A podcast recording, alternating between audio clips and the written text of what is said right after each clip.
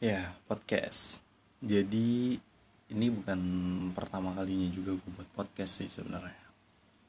Gue pernah buat podcast itu hmm, sekitar beberapa bulan yang lalu sama temen gue. Cuman kita berhenti gitu aja karena uh, selain adanya pandemi seperti sekarang juga ada kesibukannya masing-masing pastinya. Jadi ya kita agak sedikit jaga jarak dulu nih untuk sementara waktu kali ya.